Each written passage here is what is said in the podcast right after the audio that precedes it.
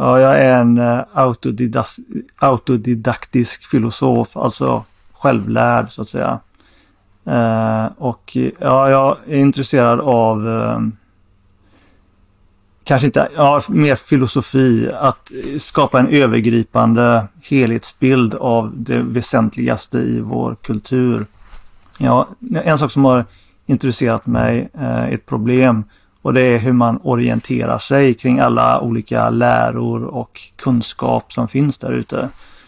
Och i samtal med, med andra folk och sådär som haft liknande intressen så har jag på något sätt mer och mer så att säga honat in eh, på det som på saker som känns väldigt stabilt, som känns väldigt eh, värt att bevara och värt att fokusera på i, när man som en slags stöd när man letar vidare efter saker.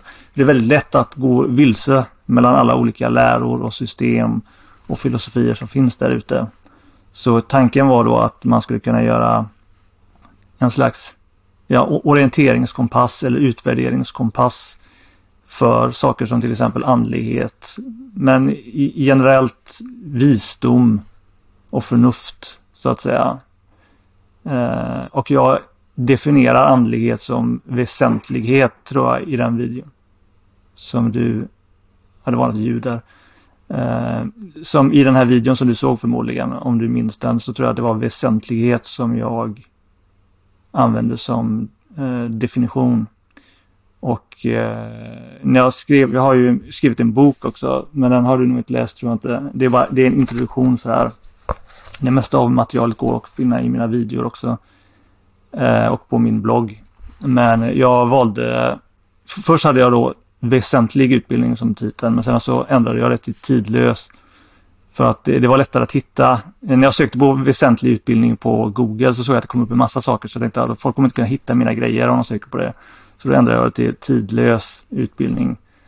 Och tidlös är också någonting som jag identifierar som, eller som jag skulle definiera andlighet som lite grann. Saker som är alltså tidlösa i det att de är alltid relevanta oavsett vilket tidevarv vi befinner oss i så att säga. Eh, det finns saker som liksom ändras hela tiden. Om man bygger en filosofi eller världssyn på något som bara är temporärt så är det lätt att... Det är därför många gamla trosystem och sådär har liksom fallit bort för att de var inte tidlösa liksom.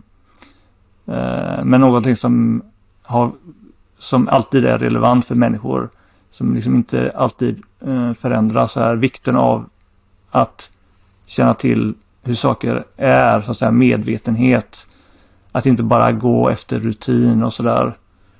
Eh, till exempel ett exempel på eh, något som jag ser som tidlöst. Um, så tidlöshet, är det någonting som du vill kommentera där? Nej, vad, det, vad som slog mig var att eftersom du definierade eh, andlighet som väsentlighet och du hade tänkt döpa det till väsentlig eh, utbildning så skulle det också kunna ta döpts till andlig utbildning. Ja, precis. Men andlig är ju, ja, det är ett ord som folk har många olika mm. fördomar kring och det är en annan sak som jag eh, fokusera på, eller som jag ofta vill eh, lägga tonvikt på och det är att språk och jargong och ord och begrepp blir väldigt lätt eh, eh väldigt latsinniga antaganden. Man antar att man redan vet vad, vad något är när man hör det för att man associerar det med något särskilt. Även, även om någon annan som använder samma ord kanske tänker på något annat. Så i kommunikation och för att kunna förmedla saker kompetent och kunna vara exakt och tydlig så känner jag ofta att man ibland det är värt att överväga att kanske uppfinna nya ord eller använda uttryck som inte är så vanliga för då tvingas människor tänka till mer. Eh, så det är därför jag eh, inte använder eh, konventionella begrepp som till exempel andlighet. Och det, det var en sak som dock, det finns ju vissa nackdelar med det här. Till exempel att det tog tid innan folk hittade mitt material för ingen visste vad liksom tidlös utbildning är. Medan jag ser att du, din kanal har inte, du har inte haft den så länge men du har redan nästan hundra eh, prenumeranter. Det tog mig fyra år innan jag ens fick över 20 prenumeranter. Så. Mm, ja, nej, men visst. Det, men visst, det, man skulle kunna kalla det för andlig utbildning. Men jag ser mig mer som, jag vill inte heller hamna i så här det andliga gurufacket, liksom, eller att jag bara sysslar med andlighet, utan jag vill bli betraktad mer som en filosof. Mm. Ja, men jag förstår. Jag håller med också om det här med andlighet. Andlighet är ju som Gud nästan. Det är ett eh, otroligt eh, tjorvigt begrepp. Och jag vet inte riktigt varför. Jag, har bara, jag gick på min intuition. Jag såg att du hade en video om intuition också som jag tyckte var spännande. Eh, men att jag eh, tenderar att eh, ehm, försöka följa min intuition. Så, så, det, var, så det, var, det var nästan så, och om jag ska rationalisera det efterhand så skulle det vara lite som att ta tillbaka det och försöka eh, begreppsliggöra vad, hur jag själv ser på andlighet åtminstone. Mm. Eh, men, men som du säger, det är ett, det är ett råttbo eh, att eh, säga andlighet för det betyder 5000 saker. Oftast har det med stenar att göra. Mm. Och så finns det ju folk som blir avtända och det är på något sätt som har fördomar om att det bara är liksom flum och sådär. Och jag vill gärna mm. att det här ska bli respekterat. Eh, liksom, eh, jag, jag, anser att det här är på något sätt användbart. Att det inte bara ska hamna i ett särskilt fack. För jag försöker skapa som sagt en övergripande helhetsbild eller någonting som eh, gör en syntes av inte bara andlighet men även i psykologi eller psykterapi och utbildning, eh, vanlig utbildning och ja, lite politiska idéer och sådär. Allt som är så att säga väsentligt.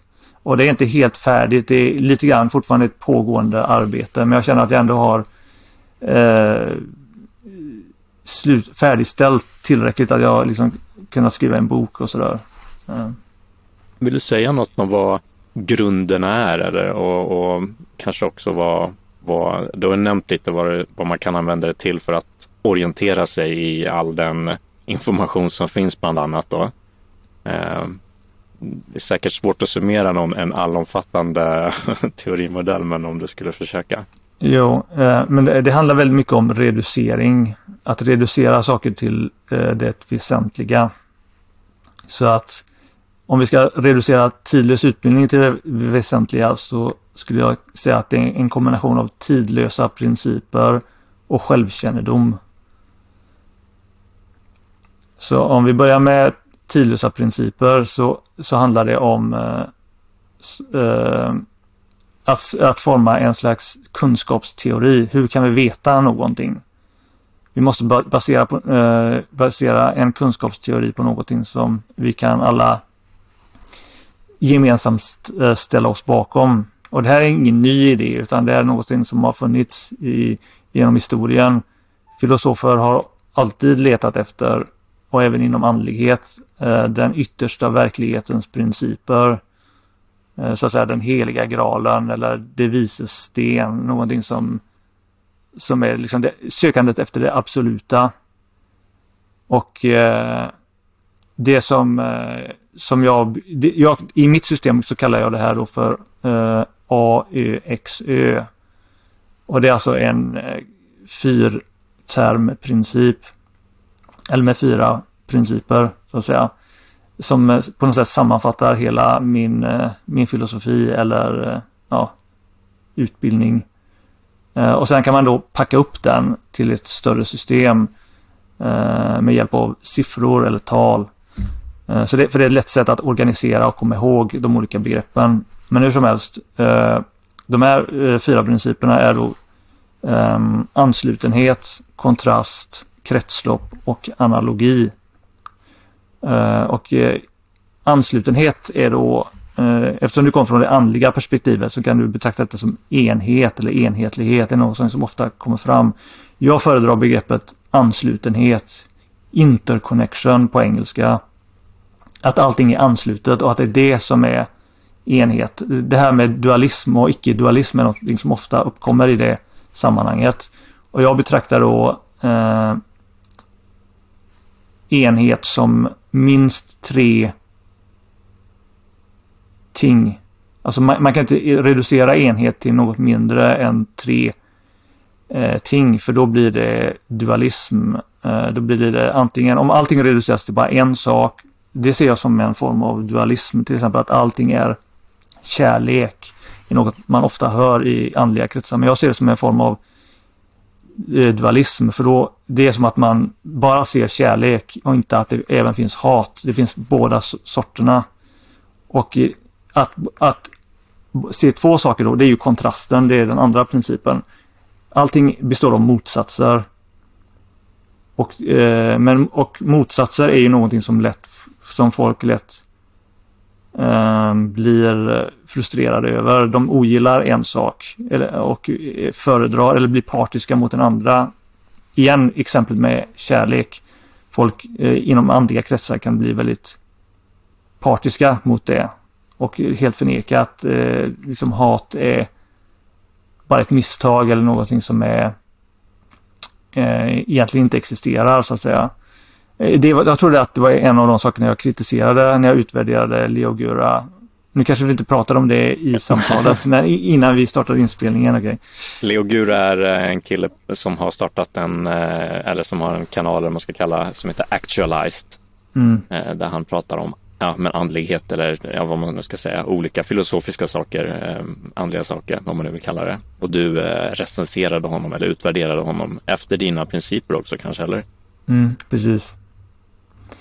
Och eh, ja, precis. Jag, jag, ser honom som lite eh, att han fallit in i den här dualistiska fällan. Det är en form av dualism som folk inte ofta lägger märke till.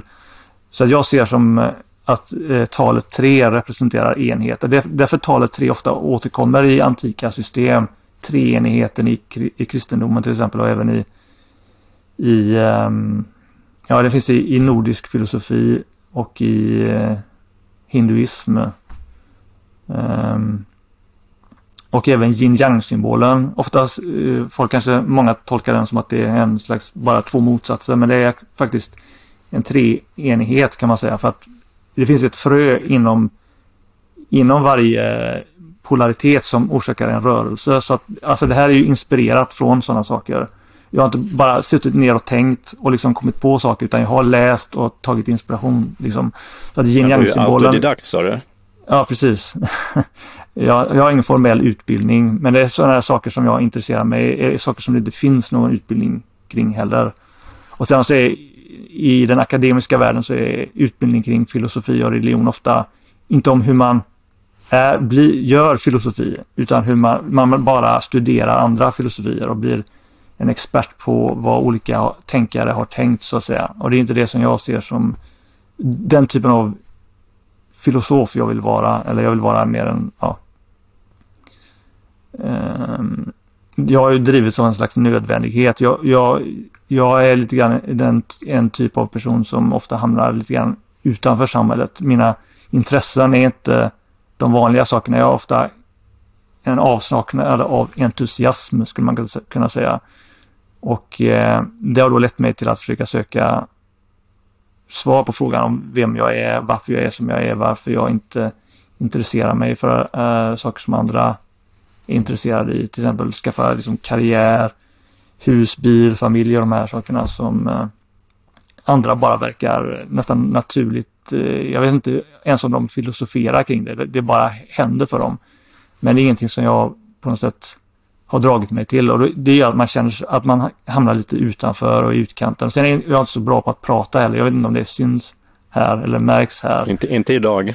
Nej, alltså jag, alltså jag kan prata men det är bara det att jag har svårt att finna ord och sådär. Och jag, jag känner att jag ibland pratar lite klumpigt och jag blev lite distraherad när det lät som någon knackade på. Um, så att jag är lite så här uh, typisk, ofta folk som är lite mentala eller så här in intellektuella går ofta förlorade i att eh, gå i, i, ut i olika tan tangenter eller vad ska jag, säga. Jag, jag, jag, är också så van vid att jag, de senaste åren har jag pratat mest på engelska Jag har gjort video på engelska så att jag är så van vid att prata på engelska att jag glömmer bort eh, svenska ord och så här. Men det är väldigt kul att få möjligheten att prata eh, på svenska igen.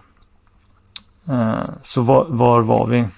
Ja, du hade börjat på det, det X är X, så jag tog X var, ja, var då det här ja. enhet och sen var du på Ö nu va? Då. Med ja, A är då, är, står in för, eh, man kan se A, Ö, X, Ö som min version av yin, yin yang. Liksom, det är en bra parallell. Så vi kan se A som eh, det vita och Ö som det svarta. A, Ö är liksom den första sista bokstaven i det svenska alfabetet. På engelska fungerar inte det riktigt så jag använder mig av alfa, omega, chi, omega. Det är liksom ja, det, det är de grekiska bokstäverna. Alfa och omega istället. Och sen chi ser ut som ett X. Och chi i österländsk filosofi är liksom livskraft och det är det som orsakar rörelse som jag ser det. Så därför tycker jag att X passar väldigt bra som mellangrejen eh, som är liksom det som skapar den tredje eh, principen eller tinget som gör att rörelse sker. Om du bara har två saker så kan du inte ha rörelse. Du har bara två saker. Men om du introducerar en tredje sak så blir det en, en balans genom obalans som gör att de här två sakerna hela tiden måste förhålla sig. Och det är ju då essensen i yin yang symbolen till exempel. Och sedan eh, man kan se det andra öet som yin yang symbolen som helhet eh, i en ny dimension. Så att du kan ha två yin yang symboler som snurrar i motsatt riktning och så har du en till på ett större plan en, en eh, samma konfigurering och det är därför jag kallar det för analogi då. Den fjärde principen att det här den här tendensen till eh, polariteter eller sån här växelverkan i naturen återkommer liksom. Det existerar i, i getströmmar, i tornados, i ja, som sagt, eh, som är, är, fraktaler som ja, genomsyrar hela existensen. Och det är därför det här är på något sätt eh, den yttersta verklighetens principer eftersom, eftersom det är det som på något sätt är motorn till allting. En slags metafysiska atomer skulle man kunna säga. Mm. Så, och det är eh, det sista öet? Ja, precis. Det andra öet. Um, som pekar då på att eh, det här är inte bara en sak utan att det, ja precis, evolverar vidare genom allting så att säga. Och därifrån kan man... Eh, åt kaoshållet eller? Ja, alltså det finns ett element av det. Att det, det finns ju ett mönster i med att saker återupprepar sig och att det finns vissa temporära men stabila trycktillstånd. Så är att vissa saker eh, ser ut att vara rätt permanenta eller bestående tills en, eh, vad jag kallar för eh, förvandlingsfas eller metamorfosfas sker där en störning i balansen orsakar en ny konfiguration så att man får ett skutt till en ny, ett nytt balanstillstånd som gör en, orsakar en förändring. Och detta är någonting som man kan dra paralleller till eller använda sig av när man analyserar hur kulturer utvecklas och hur även livsformer utvecklas, evolverar. Eh, för livsformer verkar eh, uh, evolvera, evolvera i skutt mer än i, i en gradvis långsam utveckling så att säga. Människan har inte ändrats särskilt mycket sedan i flera tusen år. Men vid något tillfälle måste något, någon form av skutt ha skett från ja, primater eller vad vi var tidigare. Och det är det som är lite mystiskt som vetenskapsmän fortfarande inte vet exakt eh, hur det kan ha skett så att säga. PRC um, pratar om eh, det med barns eller kognitiv utveckling också just att det sker i de här uh, skutten. Bara slog mig när du, när du pratade nu. Att det finns i, ja, på lite olika ställen sådär. Um, behövs någon typ av kritisk massa eller nå någonting som eh, gör att det hoppar till.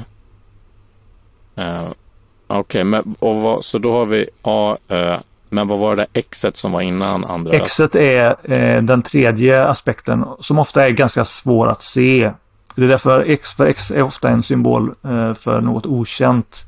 Så därför gillar jag också att använda X där, den bokstaven just.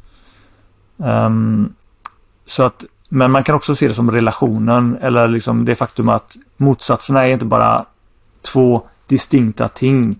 Som inte, för om två saker inte har någon relation till varandra, om de inte på något sätt är anslutna så finns det liksom ingen, de, de skulle inte kunna känna till varandra. Så att säga. Så att enhet och anslutenhet innebär att de här sakerna egentligen är anslutna. De är anslutna och därtill eh, är en, en av aspekterna till att de orsakar rörelse. Att de på något sätt eh, sitter, hänger ihop. Och därmed existerar en relation mellan dem. Och den relationen gör även att de kan förvandlas och påverka varandras och så vidare. Um, så den tredje aspekten är lite kan vara lite svår att uh, definiera. Eh, och det är därför folk ofta misstar den eller den liksom går miste om den. Och det är därför saker blir dualistiska. Men man kan se det som rörelse eller bara sammanfatta det som rörelse. För rörelse är någonting som vi kan se är tidlöst, att saker och ting alltid förändras. Det är väldigt svårt att hitta något som inte förändras, förutom förändringen själv då. Man kan säga att förändringen är något som inte förändras. Och därmed är tidlöst och då passar in i de här principerna så att säga. Så anslutenhet, kontrast, rörelse eller kretslopp. Eftersom rörelse ofta sker på ett sätt som gör att saker och ting upprepar sig. Och det är genom återupprepning vi kan identifiera saker eller känna till saker. Om, vi inte, om, om, om varje ting som hände var ett helt nytt fenomen skulle vi aldrig veta någonting. Liksom. Men det är just på grund av återupprepningen och det är det vetenskap är baserat på. Återupprepning så gör att vi kan förutse saker och sedan använda oss av det.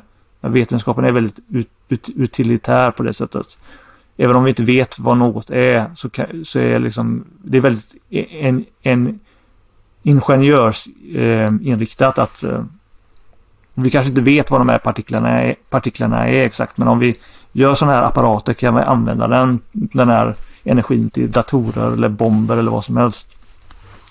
Trots att vi egentligen inte vet vad de här partiklarna är. Liksom. För bara för att vi har ett namn på dem betyder inte att vi vet vad deras väsen är så att säga. Mm. Nej.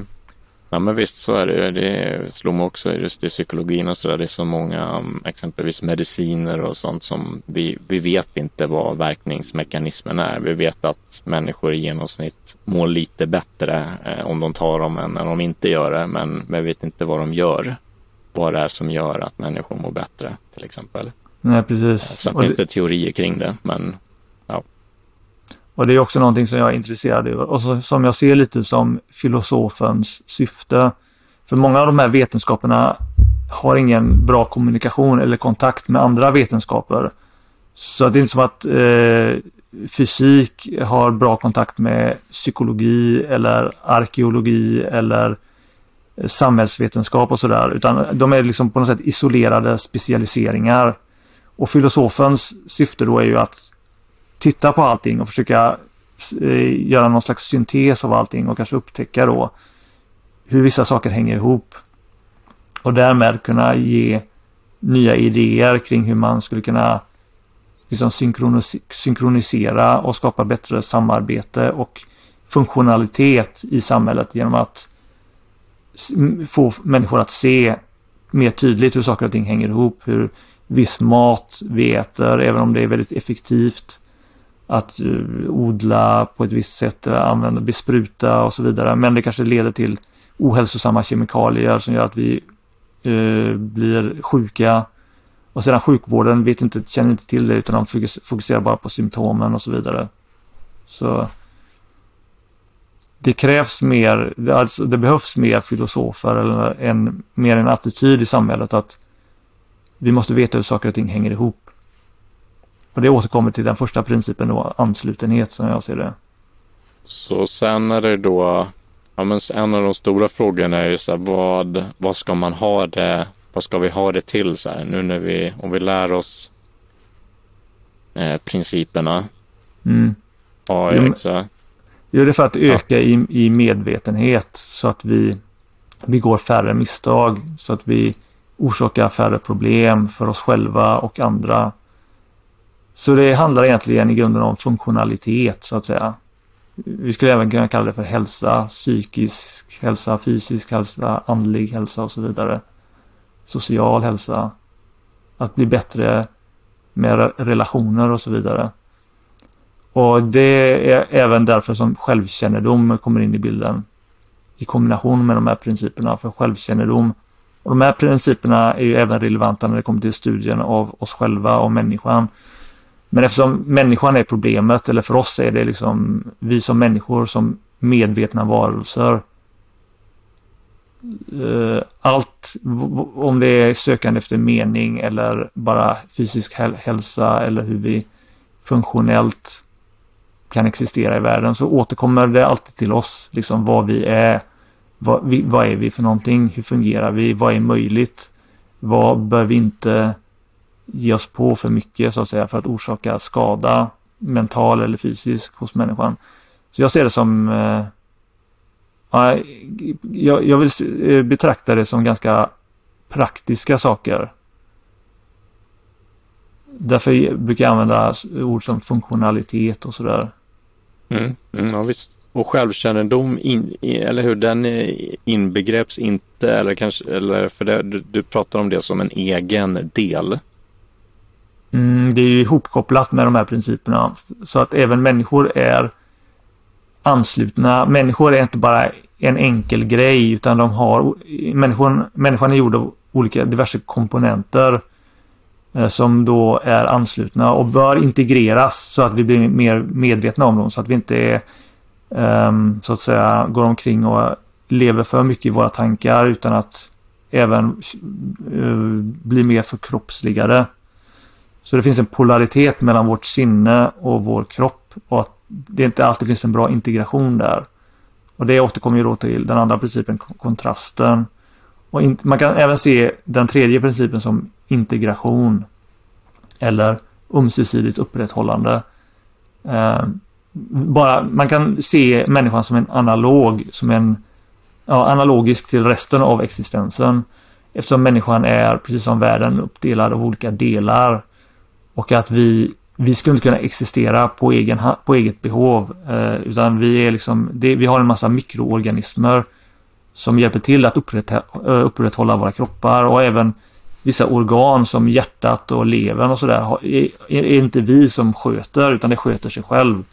Så det finns en aspekt av ömsesidigt upprätthållande eh,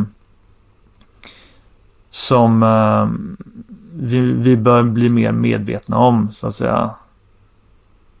Um, för det kan då stödja mer hjälpsamhet i världen, mindre hänsynslöshet, mindre själviskhet, tänker jag, ju mer man blir medveten om dessa saker. Så självkännedom där. När du nämnde det här med organen sköter sig själva, det eh, finns ju väldigt mycket som sköter sig självt. En del hävdar allt. Eh, mm. vad, vad, vad, tänker du kring eh, eller vad, du har någon video tror jag om fri vilja. Men det är en, en, eh, en eh, knäckfråga i filosofin. Jo, precis. Eh, det här, jo, det, ingenting kan vara fullständigt fritt om allting är anslutet. För allting är på något sätt beroende av allt annat. Det är som att man är en cell i en större kropp. Och hur fri är en cell, så att säga.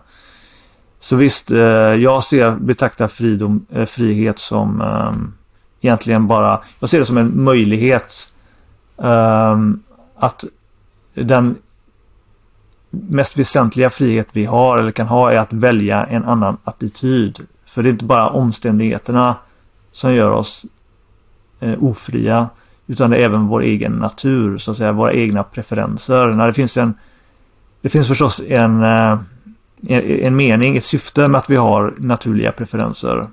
Eh, som för att orsaka rörelse och upplevelser. Jag ser lite, lite grann det som meningen med hela existensen. Att det finns saker som genererar upplevelser eller överraskningar så att säga. Och en aspekt som kan observera eller ta in och även uppskatta under rätt omständigheter eh, det som händer så att säga.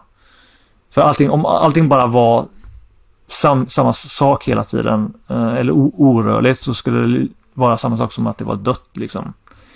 Så i det att vi har, genererar upplevelser och variation så finns det även en risk för problem. Men det finns en mening med att det finns en risk. Som jag pratade tidigare om kärlek och hat. Liksom, man måste se det som att utan hat skulle vi inte känna till kärlek. Om allting var kärlek så är ingenting kärlek. Liksom. Så det finns en mening i den balansen, i den cykeln, att man går igenom båda sakerna för att eh, för att det ska ha någon mening, för att kärlek och hat ska ha mening så att säga.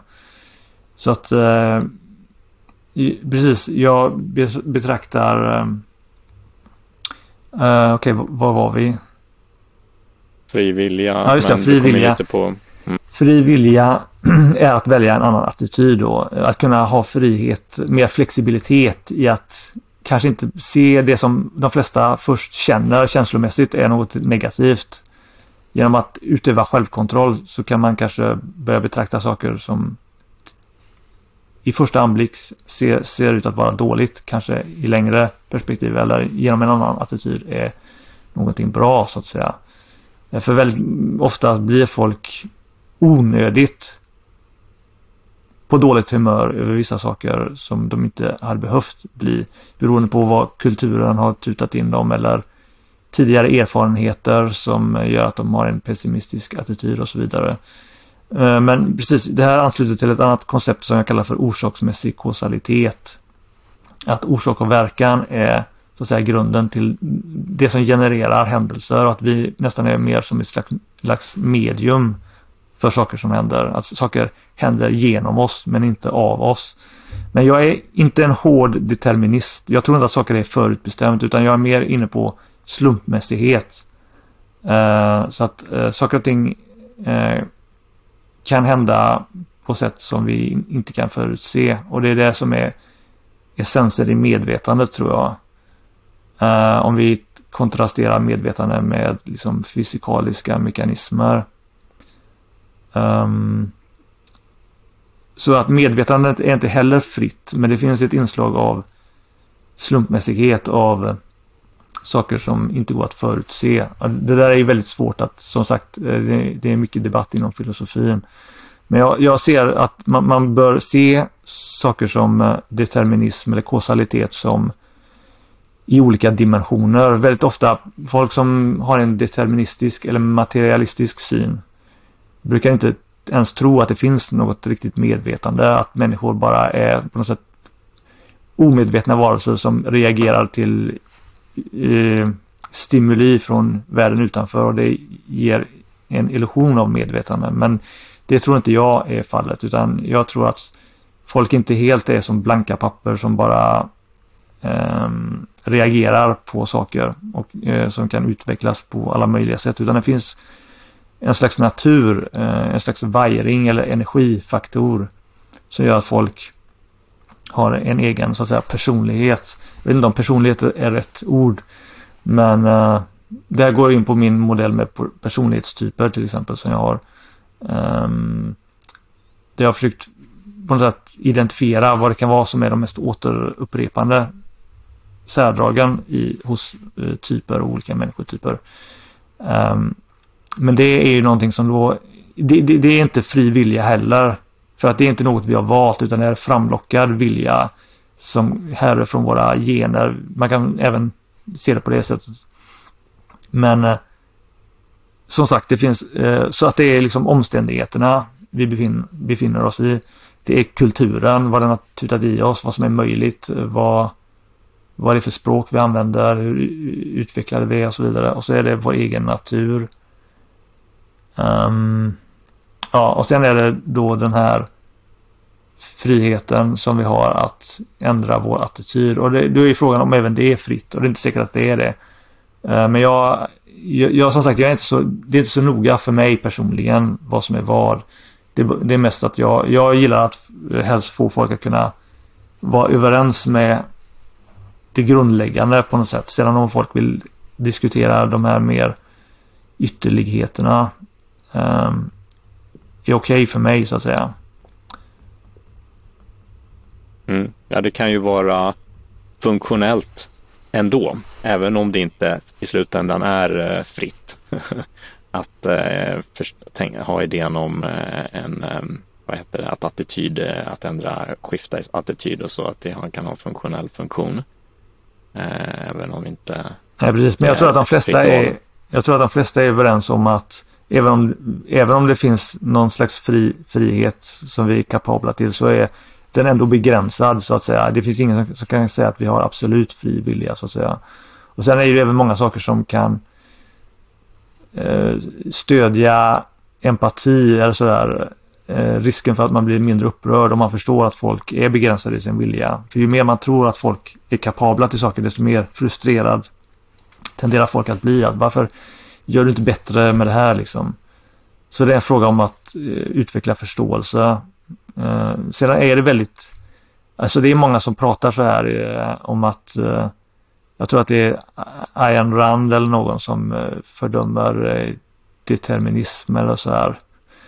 Eh, så det är vissa som inte verkar kunna se hur det kan ha en positiv effekt att se saker deterministiskt. Och, och som sagt, jag, jag, vet inte heller hur, alltså de här totalitära ideologierna har ju en tendens att förvränga saker. Uh, som jag ibland inte riktigt först, hänger med i hur de har eh, nått vissa slutsatser baserat på filosofi som ändå verkar rätt förnuftig så att säga. Men det är, ja, det är också ett problem. Men det är därför jag gillar debatt och det är ju någonting som jag också vill eh, främja så att säga. Jag tror det är svårt att förstå saker om man bara läser om dem. Eh, man måste på något sätt testa dem i praktiken genom att diskutera dem med folk. Jag tror Sokrates sa någonting eh, åt det hållet också. Att eh, kunskap byggs i, i, i jag kommer inte ihåg, dialog eller något sånt där. Men jag kommer att tänka på det här med metafy- du touchar då på lite olika sätt, alltså världens metafysik lite grann. Och jag för mig att du har eh, någon video också om reinkarnation. Um, om jag inte missminner mig. Mm. Och apropå, ja, jag vet, inte, jag vet inte om jag har en video exakt om reinkarnation. Men eh, var något Tidigare livregression kanske det var. Jaha, just det. Ja. Jo, det var något jag testade. Men det, jag vet inte om vi ska gå in på det. Det var mer en personlig grej. Eh. jag, jag, jag tror personligen att det är någonting i stil med reinkarnation är vad som sker. Men jag har olika... Jag brukar skilja på psykologisk reinkarnation och vad som då är Ehm, jag har ju någonting då som kallas för, eh, vi kan, om vi går in på eh, det här som jag nämnde med siffror, att man kan eh, packa upp den här, de här grundläggande fyra siffrorna i formen A, Ö, X, Ö. Eh, så att jag har, jag brukar organisera mitt system till utefter de första tio siffrorna. Så att siffran fyra då, de första fyra siffrorna associerar jag med den här modellen eller den här, de här fyra principerna. Sedan eh, siffran fem eller talet fem associerar jag med grundläggande psykologi. För jag brukar dela upp människan i fem eh, aspekter eller fem eh, ja, nivåer så att säga. Den fysiska nivån som är den fysiska kroppen. Och eh, därefter den psykologiska nivån som jag delar upp i tre delar och sedan den medvetna nivån, eller eh, vi kan även kalla det för den andlig, andliga nivån eller dimensionen som ofta, det här tror jag något du är bekant med, men det rena medvetandet eller den, den inre observatören eller det inre vittnet. Eh, det är den aspekten av oss som är mest mystisk, som vi inte riktigt vet vad det är eller hur vi kan vara medvetna om det är någonting, det är som att vi har två eh, personer eller två former av medvetande. Vi har vårt psykologiska liv. Men sedan har vi även något som kan observera och vara medveten om att vi tänker och känner så att säga. Och det är den eh, dualiteten eller de, den tvådelade aspekten som jag skiljer på då, där då med den psykologiska och den andliga eller medvetna. Uh, jag håller på att förlora rösten lite här. Men eh, som sagt, jag delar upp den psykologiska i tre delar. Och det är ganska typiskt, det återkommer i många modeller. Eh, intellektet, intellekt och koncept, känslorna och ja, den vitala energin eller eh, förnimmelserna och allt det här. Så det, är liksom, det blir då fem aspekter och sen så har jag ofta analogi med det här. Eh, till olika system och även till några poli poli politiska idéer som kallas för femdimensionell politik som då eh, inte, inte får gå miste om någonting eftersom det här är viktiga saker att ha i åtanke när det gäller att främja människors hälsa då. Vi måste främja medvetande, vilket andliga läror ofta sysslar med, men de glömmer ofta bort ibland de andra dimensionerna, att vi även behöver vår grundläggande överlevnad innan vi ens kan syssla med andlighet eller träna upp oss och syssla med meditation. Vi behöver föda från någonstans. Eh, de här Maslows eh, lägsta nivå liksom, de fysiska. Um, och däremellan då vår vitala energi. Vi behöver känna en känsla av substans genom att få uttrycka oss. Inte känna, känna att vi är så att säga undertryckta av en diktatorisk kultur som inte tillåter vissa saker. Utan vi måste även få rena oss. Eh, våra smärtor och plågor och sådär. Det är ett inslag i konst och psykterapi. Till exempel som är en väldigt bra institution men är ganska modern som inte uppkommer, eh, nämns ofta i andlighet, men det är att vi även måste eh, göra oss av med det negativa, ibland genom direkta uttryck och inte bara förtrycka dem, så att säga. Så det är en aspekt som jag ser som viktig, att ärlighet, autent autenticitet, även om autenticitet inte alltid ser ut som andlighet eller eh, förnuft, men det kan bli till det om vi får uttrycka oss. Så för saker och ting som vi ofta stör oss på och hänger upp oss på. När vi väl får det uttryckt så kan vi ofta ta oss förbi det. Då har vi på något sätt behandlat det. Så det är en aspekt som bör ha sig i åtanke tycker jag när det gäller till hur vi betraktar politik och att för till exempel i dagens klimat så är det ofta så att folk känner att de inte det finns en politisk korrekthet till exempel och folk blir stigmatiserade och så vidare. Men om folk hade fått utrymme att få uttrycka sina åsikter och det hade varit mer öppen debatt och så vidare så hade vi kanske haft ett hälsosammare klimat där. Så det kan, eh, man kan relatera allt det här till politik och till våra institutioner då. Så att vi kan se den grundläggande överlevnaden som vår ekonomiska eh, institution, eller man ska säga, till ekonomin. Och andlighet då, eller den medvetna till religion och olika andliga institutioner, om man ska kalla det så. Och eh, vår äkthet eller vår eh, psykiska välmående, den grundläggande då i vår energi Eh, till psykterapi till exempel. Och sen har vi då utbildning, intellektet, vi behöver utbilda oss, vi behöver information. Och det är också någonting som jag känner att ibland andliga läror förkastar det här att vi ska inte lära oss saker, det kommer bara i vägen. Och det finns en sanning i det för att eh, när vi lär oss fel saker så måste vi vara redo att kunna avlära oss så att säga. Eh, men jag ser mest avlärning och det här med att sluta tänka och det här som en praktik eller ett, eh, en förberedelse inför att bli mottaglig mot vis, visa idéer och rätt utbildning. För vi kan inte utbilda oss saker om vi redan är fulla med en massa andra idéer. Eh, så det är ofta lättare att utbilda folk som inte redan är utbildade utbildade med andra saker eller har en massa förutfattade meningar om saker och ting. Uh, och det är även det som jag ser som ett, alltså jag ser folk som är bäst redo till utveckling är de som antingen inte har lärt sig en massa saker innan, inte blivit hjärntvättade av no någonting och därmed även ofta yngre personer. Och sedan personer som har blivit, som har gått igenom livet med en hel del erfarenheter och kanske blivit desillusionerade kanske känner att eh, jag, jag, förstår inte varför eh, de på något sätt blivit, känner lite hopplöshet eller att världen, de världsliga sakerna inte tillfredsställer dem och att de behöver något annat. Lite lidande, så är det som att vara vilse i, i öknen som det brukar kallas i, ja, i Bibeln och så vidare, de här metaforerna. Gör att man vill söka rätt näring så att säga. Det är ofta en bra grund för, det är många så här, gurus som börjar sin bana med att de bara vill bli populära eller tjäna pengar eller de har höga tankar om sig själv. Eh, tycker att det passar dem att vara någon för att få uppmärksamhet. Eh, det kan vara allt möjligt. Så det är en bra sak att ha i åtanke när man ser tillbaka på sin egen utveckling och sådär. Men som sagt, eh, okej, okay, nu vill jag inte komma bort mig igen. Men ja, som sagt, utbildning ser jag som en, någonting som är viktigt för att även stödja sådana med meditationer. Allting är baserat på kunskap på något sätt.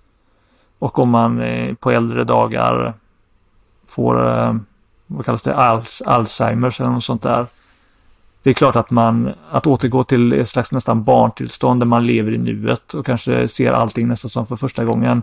Det är vissa som säger att det är helt okej, okay, nästan, det är nästan på samma nivå som andlighet. För de har inte de här intrången av gamla minnen och tankar och neuroser i vägen. Men samtidigt så, så är det alltid risk för, för att bli på något sätt råka illa ut igen. För man kommer inte ihåg de här sakerna man kan lära sig om att vara opartisk, inte identifiera med det som händer eller hur man känner och så vidare. Så jag ser barntillståndet som ganska högt. Jag brukar, jag har en, en modell med liksom medvetenhetsnivåer eh, där jag har nivå 3 som ungefär barntillståndet eller, och även det desillusionerade. Så visst, det, det är ett okej okay sätt att vara på. Men jag tror ändå att, att riktig utveckling även har i åtanke intellektet. För vi är intellektuella varelser, vi är kapabla till tanke och det måste, vi, det måste vara av någon anledning.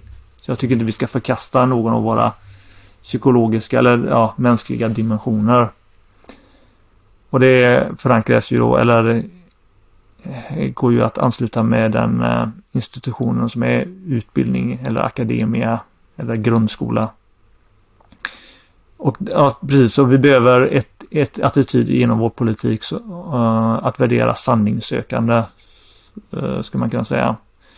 Och uh, sedan har vi den femte grejen som är då känslorna och det associerar jag ofta med vänlighet. För att om vi inte är vänliga mot varandra så främjas inte känslomässig hälsa. Det går ju att utveckla en kontroll och stoiskhet där man inte berörs av vad andra säger och hur andra behandlar en. Men det är väldigt svårt att förlita sig på det. Det är ju lättare att skapa ett hälsosamt samhälle om man lär människor att respektera varandra så att säga, än att lära folk att tåla saker.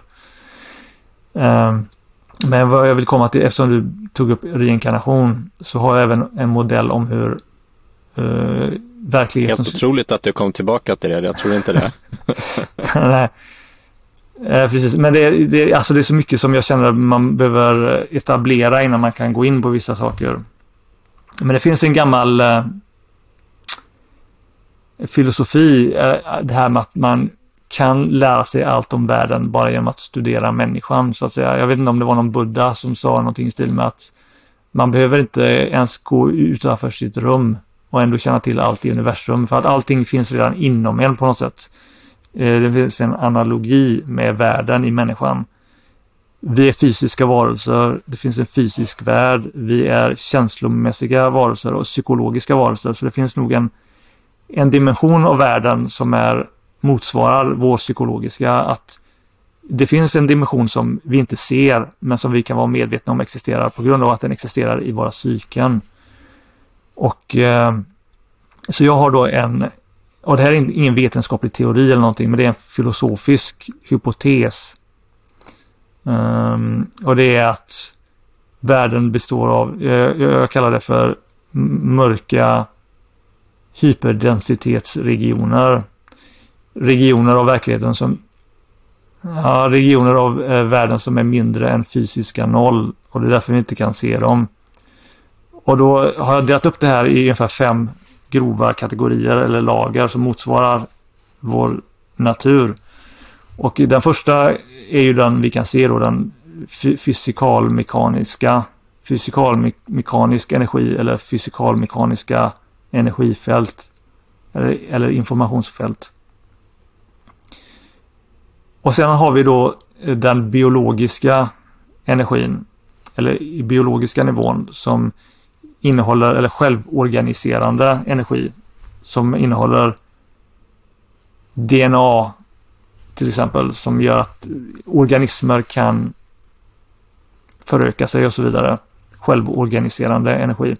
Därefter kommer då regioner som vi inte kan se och som är då hypotetiska. Men jag föreställer mig då att det därefter finns en något som motsvarar, motsvarar våra känslor, en, en slags känslig energi eller känsliga informationsfält som även etablerar så att säga vissa mönster som verkligheten anpassar sig efter. Min syn på evolution är för, eftersom vetenskapen fortfarande inte har något bra svar till varför hur, hur eh, död materia kunde bli till liv och sedan även skuttet från vanligt liv till det medvetande som människor har. Så de två skutten som är oförklar, eh, oförklarade ännu. Jag, jag ser det som att det redan finns. Det har alltid funnits medvetande och det har alltid funnits liv. Det är bara det att de existerar i de här dolda regionerna som vi inte kan se. Men genom för liv kommer alltid inifrån. Organismer uppkommer inuti varelser och sedan föds ut i den fysiska världen. Men allting är på något sätt, vi måste söka inuti världen, inuti våra psyken för att hitta de här högre okända regionerna. För att hitta uppkomsten till liv, orsaken till liv, tror jag. Uh, menar, med liv menar du typ det som animerar uh, den ja, precis. Och även, och även vårt medvetande då. Så att när så jag ser den fysiska världen som en grov, eh, ett grovt sätt att försöka manifestera vad som finns i renare former, renare mönster i de här högre dolda regionerna. Så att eh, det finns då artmönster till exempel och eh, de arter som har uppkommit och sedan försvunnit genom evolutionen är, är då arter som har försökt försökt förverkliga sig själva eller efterlikna det här mönstret, det här mer sofistikerade mönstret som finns i de högre regionerna av känslig och även intelligent energi, som jag det sedan, och analogi med intellektet eller komplex eller intelligenta organisationsfält. Och de, eh, så när en varelse då, när liv först uppkommer så är den väldigt grov och inte så sofistikerad. Sedan med jämna skutt så uppkommer det då mer och mer sofistikerade arter och det är därför det ser ut som saker och ting blir mer komplicerat och mer sofistikerat på grund av någon slags darwinistisk förfining. Men jag tror att det är snarare en slags anpassning.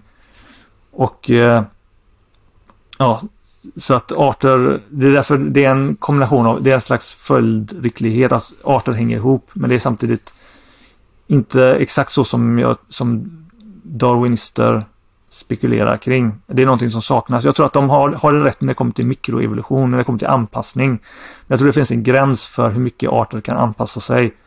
Um, att um, Jag tror inte livsformer är så biologiskt elastiska som de behöver vara om darwinistisk evolution är korrekt.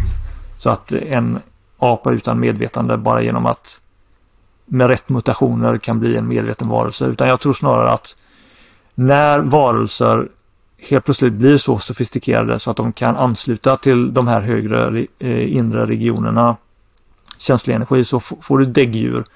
Och sedan när du har en varelse som till slut kan ansluta med den medvetna eller intelligenta eh, regionen av verkligheten då uppkommer människan.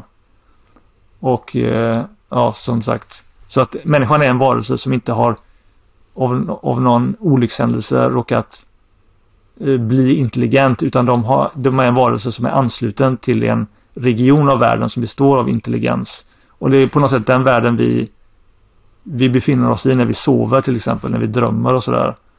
Det här är saker som vetenskapen inte riktigt förklarar särskilt bra.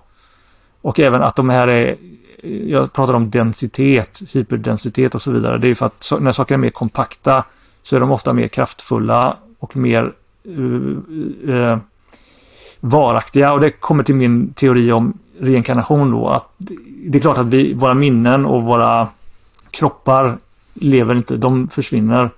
Men det är någonting som eh, de här högre energierna är mer varaktiga och det gör att de då skulle kunna ansluta till en ny eh, födelse eller en ny formning av, för de här, varje gång något, något föds så måste den vara ansluten till de här regionerna på något sätt för att få sin energi till att bli en animerad livsform och det är då det som är, skulle kunna vara reinkarnation. Så jag, jag tror personligen på reinkarnation men som sagt jag kan inte säga att det är sant. Jag gillar inte att vara dogmatisk men det är så jag spekulerar kring hur det fungerar på något sätt.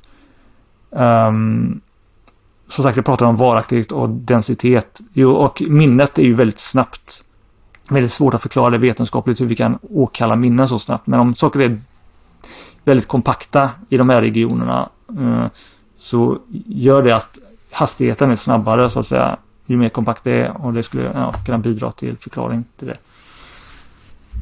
Så det var, det var rätt mycket. ja, men det var utförligt. Uh, ja, nej, men så, så som jag, vad jag hörde i alla fall, en del av vad du sa, så att det är no, någonting utöver eh, den darwinistiska evolutionen som eh, liksom eh, co-emergar och eh, driver den här processen framåt då. Liksom. Lite som om nästan som ett, eh, jag, tänkte nästan som ett, sådär, som ett frö som innehåller mer än bara de här eh, mekanismerna som Darwin eh, förklarar så att det är någonting annat. Och det är det, de här andra delarna då som inte finns med, det är de som eh, eventuellt då inte heller försvinner när eh, den biologiska organismen försvinner utan tar sig vidare då. Ja, precis. Så det en... Jag kallar det för ett evig, evigt metamorfosmönster. Som då går igenom olika förvandlingsfaser i tid och rum. Så jag tror, eh, jag spekulerar att det finns andra planeter där ute med, med liv. Och att livet på de planeterna genomgår en liknande evolutions... Eh, liknande evolutionsstadier som på jorden. Så jag tror inte att det finns helt annorlunda konstiga livsformer där ute. Utan jag tror att om det finns fler planeter med liv så genomgår de en liknande evolution. Med liknande biologiska varelser. Vad tänker du om ufon då? Jag har inte sådär jättestor... Jag tror faktiskt att de, det skulle kunna vara någonting som kommer från andra dimensioner eller regioner av, av världen så att säga. Att vi, jag vet inte om det är möjligt att vissa saker i de här regionerna närmare eh, den fysiska kan visa sig på något sätt. Eh, jag vet inte så mycket om det här. Du, Men jag, jag, alltså jag, tänker du... jag baserar det lite grann på eh, folk som har tagit psykedelika och ser så här maskinalver och grejer. Det skulle kunna finnas no, no, någonting där. Att det finns liv, som sagt om det finns liv, om liv alltid har funnits och det finns någon form av medvetna varelser eller väsen i de här dolda regionerna så skulle det kunna vara så att man kan se dem eller möta dem genom psykedeliker eller att de även skulle kunna manifestera sig på något sätt. Um, jag baserar det på en anekdot av någon jag läste på det här filosofiforumet, en svensk som hade sett någon, en, en sån här utomjording komma ut ur en portal och springa fram till honom och slå till honom. Jag vet inte om det var när han var barn eller någonting. Um, och sen dess har han varit så här fascinerad av sådana här utomjordingar. Men det, om, det lät som att det skulle kunna vara någon, någonting som kommer från en, en annan dimension eller region av verkligheten. Mer att det kommer från någon annan planet, tänker jag då. Men jag är inte så där, jag har inte studerat det så där jättemycket. Det är bara en tanke. Inte att eh, de är, om jag förstår rätt, så här, inte, för du pratar om drömtillståndet, att där är vissa av de här andra delarna, det som, eh, det, som reinkarnerar, det är inte att de är, kommer så att säga därifrån. Utan en annan typ av dimension som... Eh... Ja, jag vet inte om det här är eh, till exempel skulle kunna vara hur människor ser ut om de kunde observeras i den här dimensionen eller någonting. Jag, eh, jag vet som sagt inte. Jag vill inte, jag vill inte gå in på för vilda spekulationer för jag vill vara en ganska seriös filosof mer än någon slags kvackare eller någon som har eh, väldigt många konstiga idéer så att säga. Eller blir associerad med väldigt många konstiga idéer mm. Mm, ja, men vi släpper ufona då. Även om ufo faktiskt börjar bli eh, lite mainstream nu jämfört med vad det var för inte så länge sedan i alla fall. Som jag eh, tolkar det med att eh, amerikanska staten och andra säger att de eh, säger inte att det är aliens, men att, det, eh, att de existerar, de här sakerna som man tidigare sa inte existerade. Att det flyger omkring grejer som vi inte vet vad det är, åtminstone. Vi får väl se. Eh, jag tänkte på i ditt eget liv eller praktiskt liksom för dig själv. Har du några exempel på hur du fått hjälp eller inte fått hjälp av din egen eh, modell? Jo, men det har, det har hjälpt mig bli mer eh, socialt kompetent skulle jag säga. M mindre neurotisk, mer avslappnad, mer eh, intresserad i verkligheten, mer intresserad i människor. Mm, jag känner även att jag personligen har mer som att jag har en mer användbarhet. Jag brukar känna mig lite värdelös eller som att jag inte hade något att bidra med. Och nu känner jag att jag har det för att jag förstår mer att jag är en typ av person som tjänar en funktion då. Jag kan se det mer när jag studerar hur olika människor fungerar lite grann. Um, så att jag hjälps väldigt, jag, Eh, det är därför jag drivs av att eh, lära ut det här. För jag vill gärna att andra, jag tror att det kan hjälpa andra på samma sätt så att säga. Så jag finner det väldigt praktiskt och användbart. Men jag kanske har lite ibland svårt att kommunicera det. Ja, men så, så du sa du, du har upplevt det själv genom, genom det här fått mer självkännedom då kanske också? Jag, jag, är, jag är lite besviken eller irriterad på att folk inte lärde mig sådana här saker tidigare.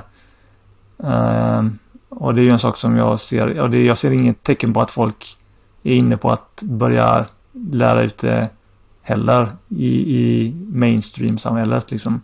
Nej. Nej, men du har ju någon, jag vet inte om det var en, jag tror det kanske var din första video, sånt där när du pratade om eh, själva idén med tidlös visdom och, eh, eller Tilas utbildning och eh, att du hade en typ av kritik också av eh, det nuvarande utbildnings, eh, eller ja, så som vi, ja, vad vi kallar skolan idag egentligen. Mm. Vill du säga något om det?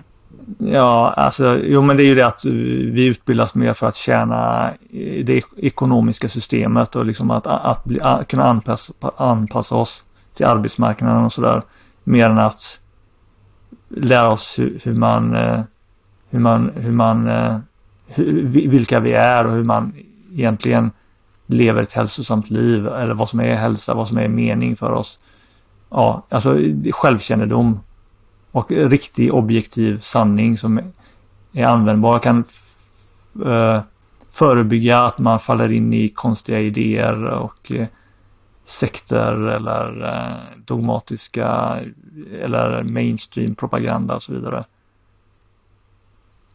Så att jo, men jag ser mitt arbete, jag ser mig själv lite grann som någon som slåss mot eh, omedvetna krafter liksom jag har lite så här stridsanda i mig, eller hade det i början i alla fall. Man, man kan kanske märka det lite när man läser min bok och så vidare. Jag vet inte om jag visar den här. Uh, uh, ja, det, vissa saker är ju lite utdaterade, eller så vissa saker har uppdaterat, men det, den är fortfarande som ett, bra som ett inledande argument tror jag. När du är en sån här tänkare liksom som funderar mycket och eh, läser på autodidaktiskt som du sa kring olika saker. Vad, min, min tanke också bara eh, hur har du folk att prata med det om då? Eh, för eh, vad heter det, mängden människor som intresserar sig för eh, det som du eh, pratar om och på den nivån är inte jättemånga. Nej, precis. Men jag hade väl tur att jag råkade på några personer. Sen hade jag inte, jag, det var inte så att jag var överens med alla dessa. Vi hade många meningsskiljaktigheter och sådär. Men, uh, så att jag pratade inte med dem längre. Men, uh, men visst, jag har haft intressanta diskussioner med folk som kunde rätt mycket om vissa saker. Som då hjälpte mig att ta ett språng ytterligare till att lära mig vissa saker. Och eh, särskilt när det kom till tolkning av religioner och så vidare. Det är en annan sak som jag finner intressant.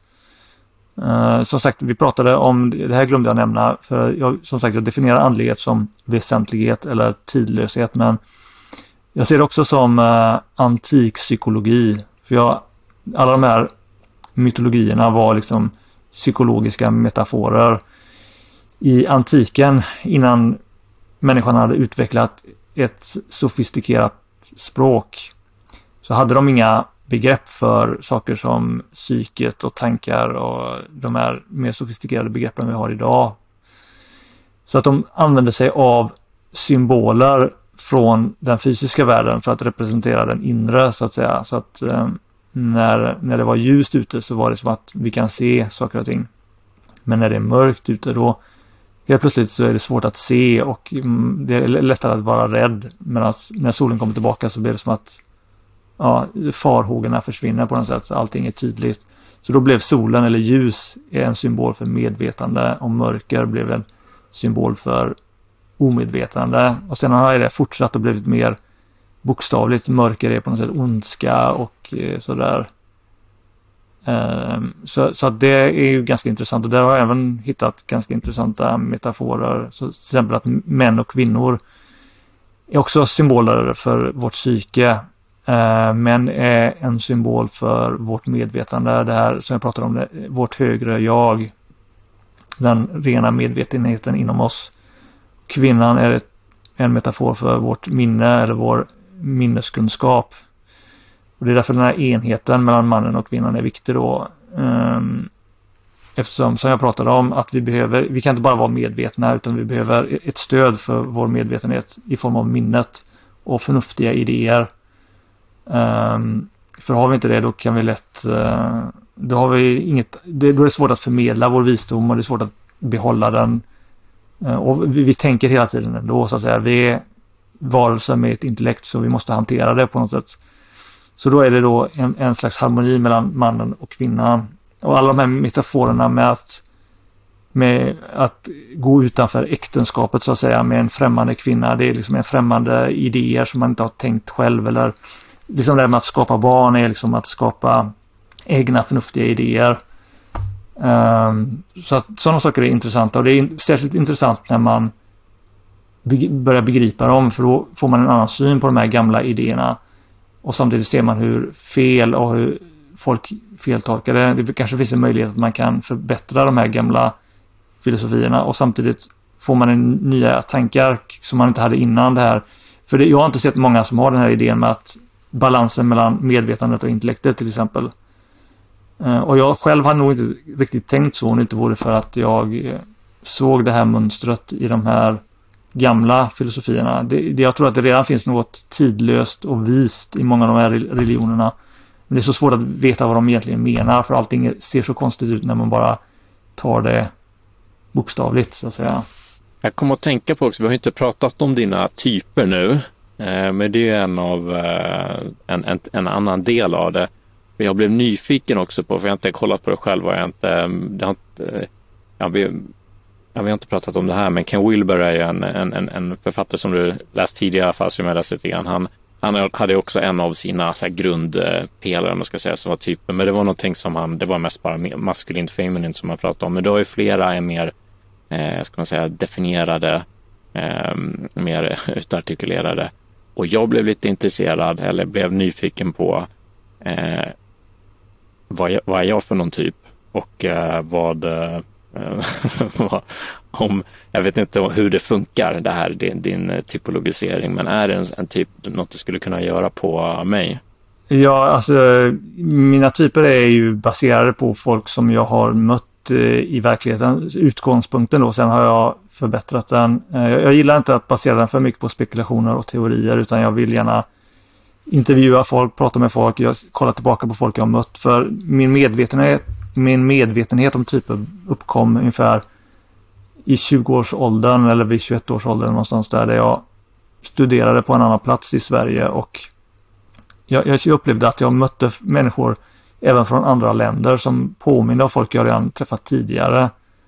Det var som att jag inte träffade någon ny som hade, som var en, en helt ny personlighet tyckte jag. Och då tänkte jag det, men är det inte någon, är, är det så att folk, ja, det finns ett begränsat antal så att säga typer. Eller att vissa, det är så många mönster som återkommer. Det kan inte bara vara eh, den lokala trakten eller sådär. Så det var lite, lite grann så det började. Sen har jag ju läst om andra typologier därefter.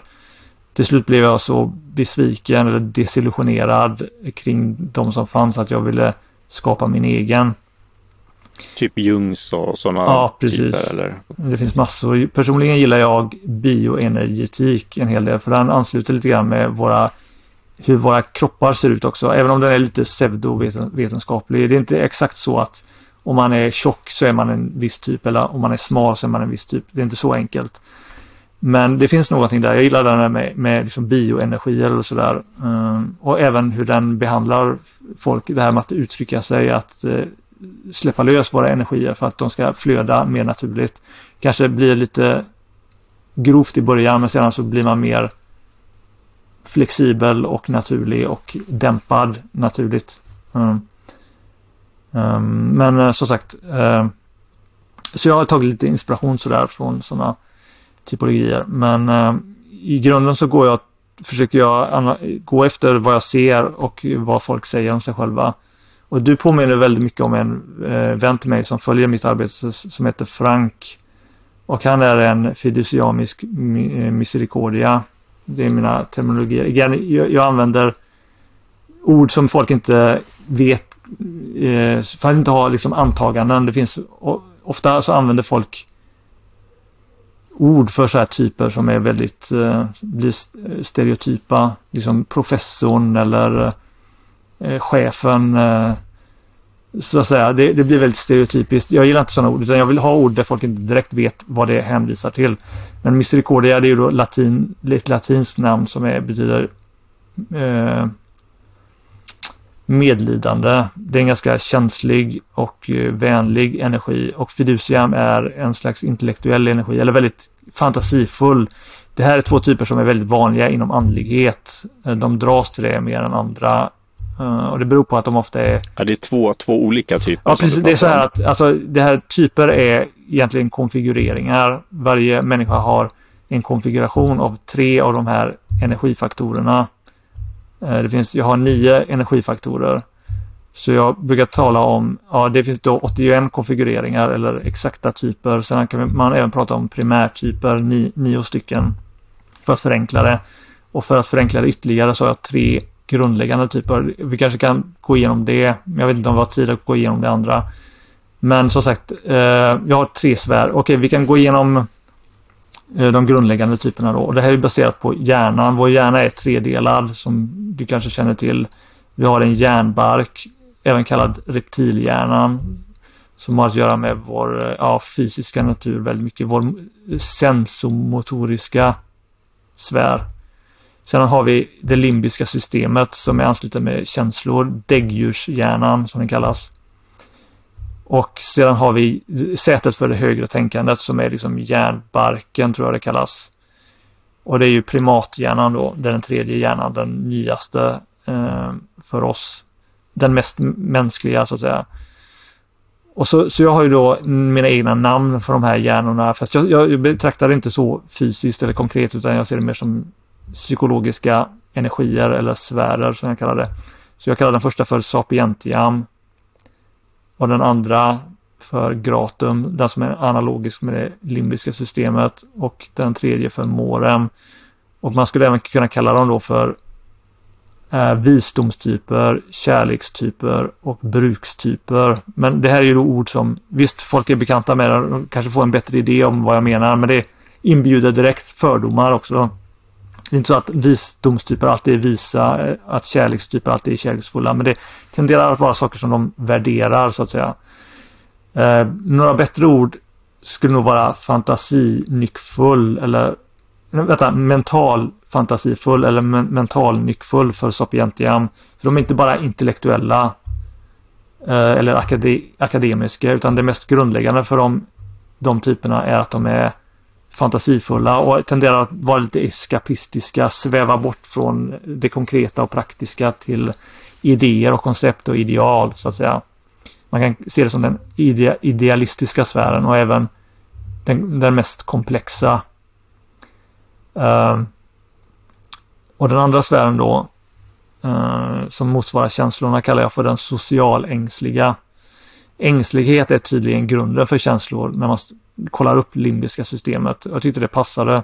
Det blir lite tvetydigt där. Uh, huruvida, för vissa av de här är ju sociala. De värderar det sociala väldigt ofta, eller liksom de är väldigt uppmärksamma på det yttre och vill, är ängsliga att passa in sådär.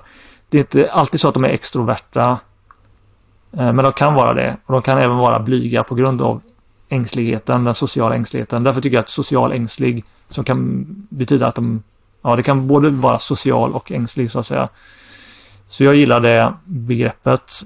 Och den, det finns även en, jag har noterat att vissa är mer vanliga bland män och kvinnor. Män tenderar att vara mental nyckfulla eller sapientiam oftare, medan kvinnor oftare är socialängsliga eller gratum. Och där kan man då prata om maskulina och feminina typer, men män kan vara feminina typer då. Det är liksom bara en kategori så att säga. Ett sätt att organisera det. Um, och så den tredje typen då brukar jag kalla för vital avtrubbade. För de tenderar att vara väldigt de, de, de är mindre känsliga och det är därför de ofta är hårt arbetande. De kan stå ut med saker mer. Men nackdelen till det är eh, att, de brukar ofta klara sig väldigt bra i samhället. Och de tenderar att vara politikerna och ledarna och sådär. Och även byggarbetarna och fiskarna och bönderna och allt det här. Men de är så att de verkar vara väldigt framgångsrika och de verkar inte lida särskilt mycket och det gör att de ofta inte sympatiserar med neuroser och även folk som är mer neurotiska kanske är lite avundsjuka eller frustrerade med de här typerna som kan vara lite dåraktiga. För att utveckla visdom behöver du lida en aning. För att utveckla empati behöver du lida en aning. Inte för mycket för man kan bli väldigt hänsynslös och hämndlysten om man lider för mycket också. Men, men Trump, typ extremvarianten ja, av den. Han är en eh, brukstyp eller eh, ja, en sån. Och eh, som sagt, eh, så att jag ser det som att vissa personer som kanske inte, som jag då, som inte riktigt vet vad jag, vad som är min, för jag är inte bra med det fysiska och jag är inte, jag är ganska känslig så att jag gillar inte, jag har svårt att känna motivation till saker som, ja, de verkar inte ifrågasätta så mycket brukstyperna. Så att eh, ifrågasättande typer är mer de eh, övriga, särskilt de mentalnyckfulla eller sapientiam. Så att det är lite, lite grann deras funktion då. Och det, det kan uppstå lätt en frustration mellan de här olika typerna som inte gör att de kommer överens alltid och det kan finnas en frustration och kanske kan uppskatta deras talang när den, just då när den är i centrum. Någon har gjort ett konstverk och föräldrarna säger åh vad bra, duktig du är som har, kan rita så här bra. Men sedan helt plötsligt när de ska, föräldrarna förväntar sig att barnet också ska vara bra på något fysiskt arbete eller någonting så kan de bli frustrerade eller att de inte är mer praktiska och så vidare. Och samma sak med barn som behöver mer känslomässig uppmärksamhet eller eh, andlig vägledning eller någonting. Om de har brukstyper som föräldrar då känner de att oh, visst, de, de har varit bra föräldrar, de har gett mig ett hem och försörjt mig med mat och allt det här grundläggande men jag behöver något mer nu. Jag behöver någon som kan lära mig eh, hur världen fungerar eller vad som är mitt riktiga syfte och sådär. Så att Precis. Eh, det, det, så det, det, är ett sätt att öka medvetenheten om hur människor är olika. Inte bara mellan, mellan könen. Det är inte som att det bara är män och kvinnor som är olika eller att det är olika raser. Eh, eller inom, som inom den här manosfären att det finns alfa och beta utan det finns liksom är mer komplicerat än så. Många olika typer. Och det, alltså jag, jag är ganska förvånad att folk inte har tagit det här mer seriöst för det har varit ganska uppenbart länge att det har funnits folk som är mer Noam Chomsky, liksom professortypen. Och, och, och, folk som Trump, liksom, det är liksom en arketyp, en typ. Liksom, eh, eh, för pro folk pratar ofta idag med kriminaliteten i Sverige, liksom att det är so socioekonomiska faktorer och det finns ju, ett, det är ju till viss del sant, men det finns ju även typer, en viss typ som är mer benägen att bli kriminell till exempel jag menar forskningen har ju även stött det här med, med hjärnan, att vissa har mindre empati och sådär, den psykopatiska typen så att säga. Så, att, så, så jag har då varje i, i analogi eller överensstämmande med min, mina principer då så är varje svärd tredelad. Eh, så att jag har då tre mer specifika kategorier varje svärd, tre olika sapientian-typer, tre olika gratum-typer, tre olika morem-typer. Och de typerna då i den mentalnyckfulla sfären är fiduciam, som är på något sätt lokaliseringen, den mest rena versionen av den typen. Och sen har vi magnitudinem som är en blandning mellan den sfären. Det är gratumsfärens reflektion i den sfären. Så det är en slags blandning mellan den socialängsliga och den mentalnyckfulla som är lite mer emotionella och lite mer eh, nojiga, mer kritiska så att säga eftersom de är mer fokuserade på det yttre så att säga. Eh, men de är fortfarande väldigt idealistiska och sådär. Ehm, och sen är det abstraktum som är reflektionen av moremsfären. Eh, så de är ganska, de är inte sådär väldigt, de är lite mer enkla av sig och lite mer eh, kontemplatiska Så att säga, istället för att spruta vilda idéer så att säga. Och sedan så har vi i gratumsfären Misericordem som är reflektionen av den övre sfären då, Sapientiam i den mellansfären. Så de är den mest idealistiska och det är varför de tenderar att dras till andlighet till exempel. Mest känslig också skulle jag säga. Eh, uh, sedan har du lokaliseringen som är urbanum kallar jag den. Väldigt fokuserad på hur samhället fungerar och att bli lite grann en expert. Gillar att följa, att eh, forma, antingen följa en mall eller forma en egen mall som de följer. Gillar inte att avvika från den, men är väldigt kompetenta och ofta lite kritiska så här, och, och gillar entusiasm en hel del. Eh, kan vara ganska intoleranta mot negativitet och sådär. Eh, och sen så har vi libidinem som är eh, reflektionen av eh, den lägre sfären och de tenderar att vara lite mer avtrubbade då. Så de är känslomässiga och den kombinationen gör att de kan vara ganska lite naiva och entusiastiska kring saker och lite blasé, att de inte tänker sig för. Så de kan bli lite att de överstiger sin egen förmåga, att de lovar saker som de inte kan hålla och ja, sådär lite, lite sådär. Den extrema manifestationen är väl den här bimbon lite grann. Eh, eh, amerikanska Hollywoodfruar som liksom inte förstår hur oansvariga de är i sin e, extravaganta livsstil. Sådär, liksom. Eh, en typ som tenderar att stå ut och är ganska lätt att känna igen. Många så här skönhetsmodeller eh, tenderar att vara den typen. Och sen så har vi i morgonsfären då meritum, corpus och exitium. Och eh, meritum är ju då reflektionen av den övre sfären, så de tenderar att vara lite mer idealistiska och väldigt vanlig bland politiker Eh, särskilt i Sverige till exempel. Folk som vill, de vill ofta fostra eh, befolkningen. Eh, så att de är väldigt va vanliga inom klimatrörelsen just nu. Eller de här som politikerna som vill att nu ska hela Sverige bli omställt och sådär. De vill på något sätt ta ledningen när det kommer till nya idéer. Men de är inte bra på att komma på idéer själv utan det är mer så att de blir entusiastiska kring så här progressiva idéer. Ibland även konservativa idéer men som sagt det är en typ som gärna vill få saker gjort men som inte är så flexibel. När de väl har satt igång någonting har de svårt att själv se vad som inte fungerar och sådär på grund av sin avtrubbhet så att säga. Men meritum kallar jag den. Även om det är mer en fostrande. Meritum kan ge lite grann intrycket att de är elitiska, vilket de är lite grann lite så här aristokratiska. Men de är, det är mer så att de är idealistiska också, eller så här fostrande, ganska vuxen. Sedan har vi Corpus som är mer den här lite mer mjukhjärtad men ganska uthärdande som ofta är, blir statsmän, fiskare, bönder och sådär. Väldigt vanlig i Sverige. Um, och kan vara ganska fördomsfull också, lite så här eh, landsortsmässig. Och sen har vi då Exitium sist som är den mest avtrubbade och kan därmed bli ganska okänslig och även hänsynslös.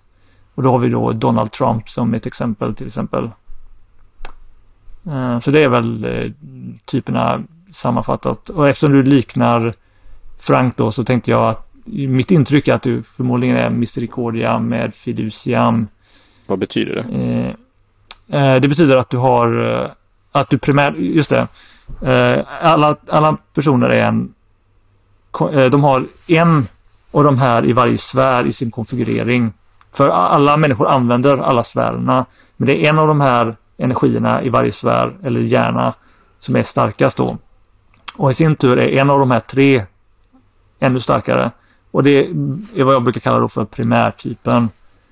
Så det, eh, den första typen kallar jag för, eh, eller primärtypen är då, för dig då skulle då vara misericordia, misstänker jag, baserat på din energi.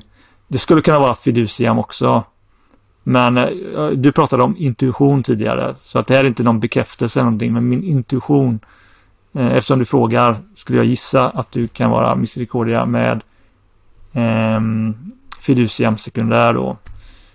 Och sedan vet jag inte om mor i morgonsfären. Eh, jag kan tänka mig corpus eller kanske meritum. Vad innebär det? Jag gissar då. Ja, det, det innebär ju då att du har lite av de här energierna i dig som en slags preferens. Alltså, okej. Okay. Misericordia innebär att du är ganska känslig, empatisk och lite idealistisk. Grovt samman, sammanfattat. Eh, taktfull.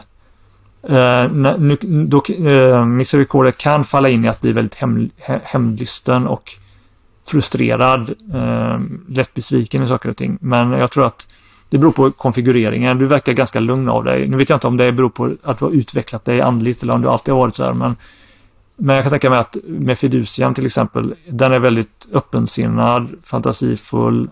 Eh, och på grund av att de lever i sitt sinne och ser väldigt mycket möjligheter så är de ofta rätt positiva. Men de är också ganska känsliga så att de tenderar att vara vänliga. De, de gillar inte konflikter så mycket och brukar undvika problem en del. Så att de brukar vara lite, ja precis, inte så kantiga av sig. Eh, och ofta ganska bra ver verbala, verbalt kompetenta och eh, ja, ganska intelligenta. Um,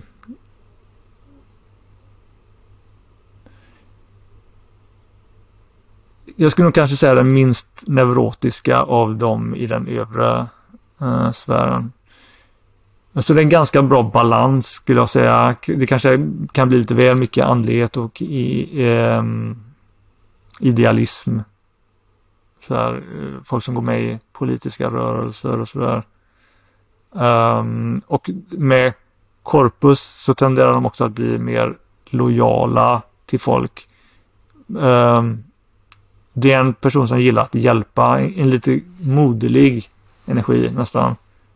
Uh, men de kan vara lite väl mjuksinnade. De kan uh, ha problem med ängslighet. Uh, jag minns att Frank till exempel, jag tror att han nämnde något om att när han gick i skolan var han väldigt, han, han kunde tycka det var lite obehagligt så här eh, med andra elever. Eh, me, eh, meritum däremot gör väl folk lite mer ambitiösa, mer hårt arbetande, samvetsgranna som det heter i den här femfaktormodellen till exempel. Det, det motsvarar eh, samvetsgrannhet, conscientiousness väldigt mycket. Jordan B. Peterson till exempel har de tre energierna, meritum, fiduciam och misericordiam i sig. Man, man ser att han är väldigt känslig, han gråter lätt. Det är liksom misericordiam, men han har misericordiam sekundärt. Och du, du, du känns inte riktigt som Jordan B. Peterson, han är fiduciam. Han är fiduciam primärt. Så jag tänker mig att du kanske är då misericordam primärt som Frank, eftersom du påminner mer om honom. Sådär. Och, och i min metod då, det är att det är väldigt användbart att lära sig liksom kategorisera människor utefter de här typerna för att känna igen dem. Men det kräver att man jämför en hel del för att många människor kan identifiera sig med alla de här särdragen liksom. Så det är en fråga om grad, ungefär som i femfaktorn som också handlar om grader sådär. Jag vill gärna, det är inget jag sysslat med särskilt mycket just nu, men jag skulle vilja göra min modell så att den inte bara, så att den är som en slags eh, syntes av typer som, som ännu inte är riktigt vetenskapligt erkänt än. Eh, och saker som femfaktorteorin som har mer att göra med grad, grader så att säga. Grad av energi. Så att någon som har samma konfigurering kan se olika ut beroende på att energierna kan fortfarande vara lite olika starka. Så att säga. Har du kollat något på det här med gene keys? Känner du till nej, det? jag känner inte. Nej. jag vet inte heller. Det är bara någon sån här med typ eh, Ja, nej men visst. Det, nej, det, det är lite, vad säger man, on the fringes med, med typer. Men femfactor-modellen är ju relativt erkänd. Den används i alla fall. Um, så det, och det är en typ, det, det, ja, vad man nu ska kalla det för, personlighetsdrag eller typer. Uh, och conscientiousness var kul du sa det för, eller samvetsgrannhet, för det var när jag sökte något jobb någon gång så var det eh, man skulle beskriva sig själv och då kommer jag ihåg att eh, det var en av de orden som jag sa att jag definitivt låg, ligger högt på om det är någonting där. Jag minns inte riktigt hur det var nu, men, nej, men det här att eh, hålla vad man lovar och eh, den typen av saker. Som jag tolkar in i samvetsgrannhet, att göra det som är rätt, att ja, ja, hålla överenskomna ja, överenskommelser och den typen av saker. Så det, jag kände igen mig det i flera saker det du sa. Eh, så spännande. Men svårt med alla de här konstiga namnen. ja, men det är som med allt nytt, man, det tar lite tid att lära sig så att säga. Mm. Mm. Det är ju som att jag hade svårt att lära mig de här INTP, INTJ, alla de här bokstavskombinationerna. Liksom. Det är samma sak där ja. Precis. Ja, ja men vad kul. Eh, vad kul att eh, du eh, ville vara med och eh, berätta om din modell, om typer, lite om, eh, eh, vad heter det, lite om reinkarnation, väldigt lite om ufon och eh, göra en, eh, en delvis en analys av mig också. Eh, är det något mer du tänker som du skulle vilja få med? Uh, nej, men jag, jag, om, om något av det jag pratat om låter intressant så kolla gärna upp eh, mitt material. Jag har eh, som sagt en bok, eh, jag har en blogg som både på svenska och engelska och så har jag massa videos. De flesta är ju på engelska nu, men det är för att jag nått ut till en mer internationell publik. Jag skulle egentligen vilja göra mer saker på svenska, men det blev mer att folk kontaktade mig och, och började följa mig från eh, engelsk, engelskspråkig publik så att säga. Um, sedan så har jag hunnit gå igenom alla mina koncept. Uh, som sagt, jag har en, en eh, modell med så här medvetenhetsnivåer um, som liknar lite grann om folk är bekanta med saker som Spiral Dynamics till exempel. Um, det är inte exakt samma sak. Min är mer baserad på som sagt tidlöshet. Uh, det är inte en någon slags utveckling av hur människan genom olika eh, genom historien har utvecklats från hunter-gatherers till eh, ja, moderna civilisationer utan det är mer eh, någonting som man kan kolla på individuellt är tanken. Um, alltså, minns jag inte, jo, jag har ett utvecklingssteg också. Vi pratade om det här att det, jag nämnde att det är väldigt en bra början på utveckling för att utvecklas rätt. Om man antingen inte har lärt sig för mycket innan eller om man har kommit till ett stadie där man är lite desillusionerad med verkligheten. Sen är det ytterligare steg då att hitta rätt vägledning i andra steget. Det tredje att ha en bra situationsstabilisering och så att man kommer ihåg varför man gör det här och så vidare. Eh, och det fjärde är då början till den här vanliga praktiken att eh, meditera, att bli medveten om den, det, den, eh, det icke-jaget eller det opartiska sinnet som eh, observerar tankar, att vi inte är våra tankar, att, att avidentifiera med de här energierna och mekanismerna in, in, inuti oss själva och lära oss mer om vilka vi är genom att öva på den grundläggande uppmärksamheten inom oss. Så att säga.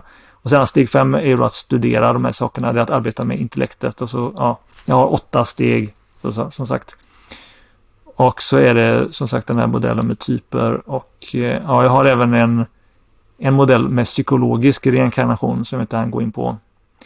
Uh, för våra, våra, eh, våra, våra psykiska tillstånd tenderar att variera. Uh, så man kan till och med symbolisera, symbolisera dem genom ja, figurer eller arketyper som sagt i tolv steg uh, där varje medvetenhetsnivå i den här andra modellen Eh, motsvarar två av dessa eh, stadier och så är det två, de två högre bara en gång. Men som sagt, det börjar med naiv ungefär när man föds och så är det ofta så att man blir, någonting händer som gör att man känner smärta eller upplever obehag. Jag kallar det för drabbad. Det är något folk genomgår. Och därefter kan det hända så att folk hamnar i ett tillstånd där de blir en anklagare Eh, där de anklagar folk, där de vill strida mot folk, där de vill hämnas eller någonting och då kan det bli så att de eh, vill ja, antingen bli politiskt aktiva eller att de vill for, eh, forma någon ny ideologi eller radikaliseras inom någonting eller att de bara själva personligen går ut och hämnas eller någonting. Eh, som sagt, det blir mer, mer och mer negativt. Eh, och sedan så ja, finns det en upp, upp, upp, uppåtgång också i hur folk, om de faller längst ner och ser hur dåraktiga de har varit i, i, sin kamp mot världen till exempel. Så döljer det till mer acceptans, kanske mer reflektion. Sen är det också så att man kan fastna i rutin, i att eh, vilja ha uppmärksamhet eller att fastna i studier, informationsmedvetande, att man lär sig saker eh, och tror att man vet saker bara på grund av att, att förväxla kunskap och information med att vara medveten, så att säga, det är inte samma sak. Eh, men som sagt, eh, jag har lite mer saker som det som, eh, ja det är svårt att gå in i detalj eftersom det tar så lång tid. Um, men om ni är intresserade av sådana här saker um, som kanske inte är så konventionellt vanligt inom andlighet eftersom det är mer um, Eh, filosofiskt, mer intellekt, eh, mer som jag ser det som det praktiska med det ser jag som att det är minnessystem, system för minnet. Så det är inte som att de här ska tas som för, förväxlas med verkligheten helt och hållet. Det är mer som en karta. Eh, eh, mer än territoriet själv. Men det är bra som minnessystem, känner jag väldigt bra eh, i sådana här samtal till exempel. Så, ja precis. Om det, om, det, om det låter intressant, något av det jag har sagt, så kolla gärna upp mina grejer.